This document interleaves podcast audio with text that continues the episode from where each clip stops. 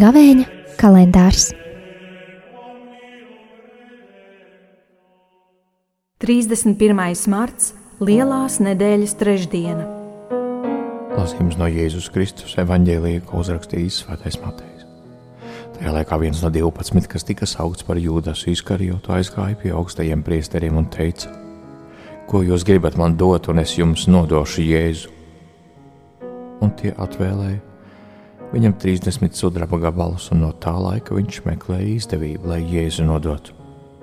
Bet pirmajā neraudzētās maizes dienā Mācekļi piegāja pie Jēzus sacīdami, kur tu vēlies, lai mēs tev sagatavotu ēšanai pasku.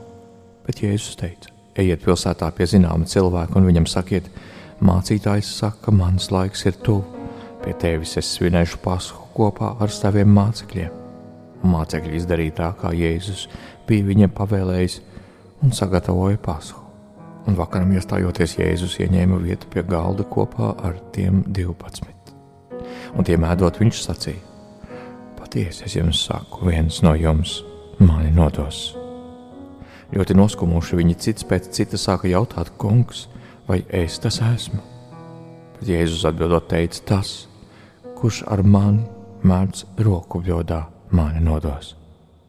Cilvēka dēls gan aiziet, kā par viņu ir rakstīts, tomēr bēda tam cilvēkam, kas nodod cilvēka dēlu.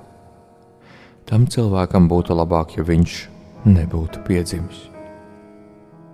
Bet Jūdas, kas Jēzu nodeva, atbildot, sacīja: Rabbi, vai tad es? Jēzus tam atbildēja: Tas esi tu, kas to teici. Tie ir svētā evaņģēlīja vārdi.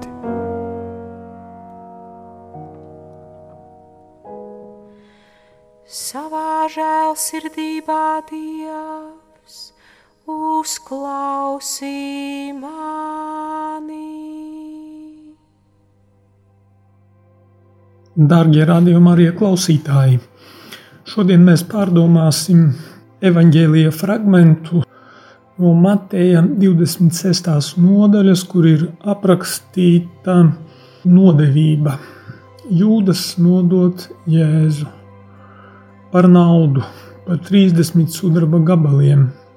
Bet tad, kad Jēzus apstuļiem pasaka, ka viens no jums mani nodos, tad eh, viņi ļoti noskuma un viens pēc otra sāka jautāt, kungs, vai es tas esmu?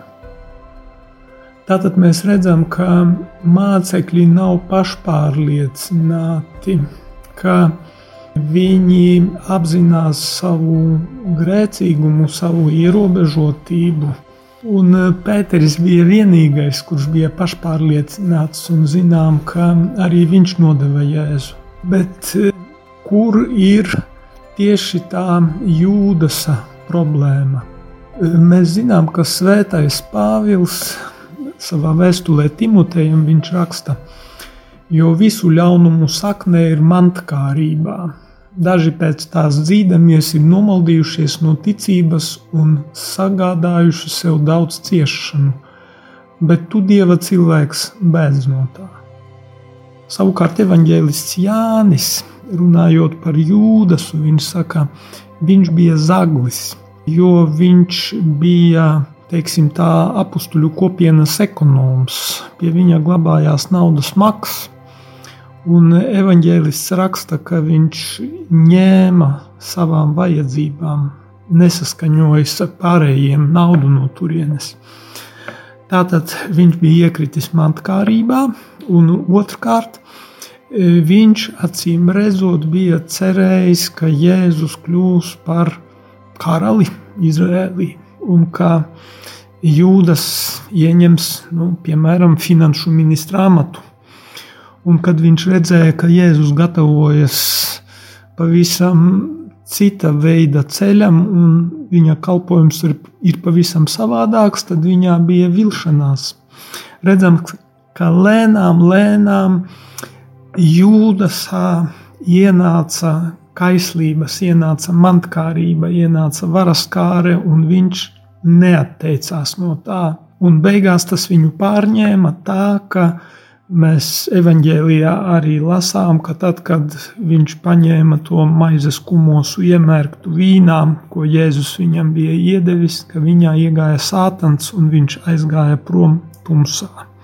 Un tumsa tā bija arī garīga tumsa. Un tāpēc, darbie brāļi un māsas Kristu, šis jūdas stāsts e, mūs kā, lai tas pamudina, ka mēs izmeklējam sevi, savu sirdsapziņu, sargājam to tīru un neielaižamies uz kompromisiem sevišķi šajās divās jomās. Viena tā ir mantkārība, un otra tā ir karjeras vēlme, tā ir paraskāre, tā ir vēlme pēc atzinības, e, pēc pozīcijas starp cilvēkiem, bet par katru cenu. Tātad nemeklēt visu dieva prātu, ne sekot visu jēzumu un mācīties no viņa, bet izvēlēties savu ceļu atšķirīgu no tā, kāds bija apstuļiem. Tā kā lai šis evaņģēlīja fragments palīdz mums ļoti realistiski paskatīties uz sevi un līdzīgi kā apstuļi uzdeva šo jautājumu, vai es tas neesmu, vai manī nav bijis kāds kompromiss, kuru es esmu palaidis garām, vai neesmu jau noslīdējis par tālu. Tā kā lai gavēņa laiks palīdz mums izmeklēt sirdsapziņu un aiziet uz labu grēksūdzi, lai mēs ejam pa šo 11 atlikušo apstuļu ceļu, bet nevis jūdas ceļu. Lai Dievs jūs svētī. Amen!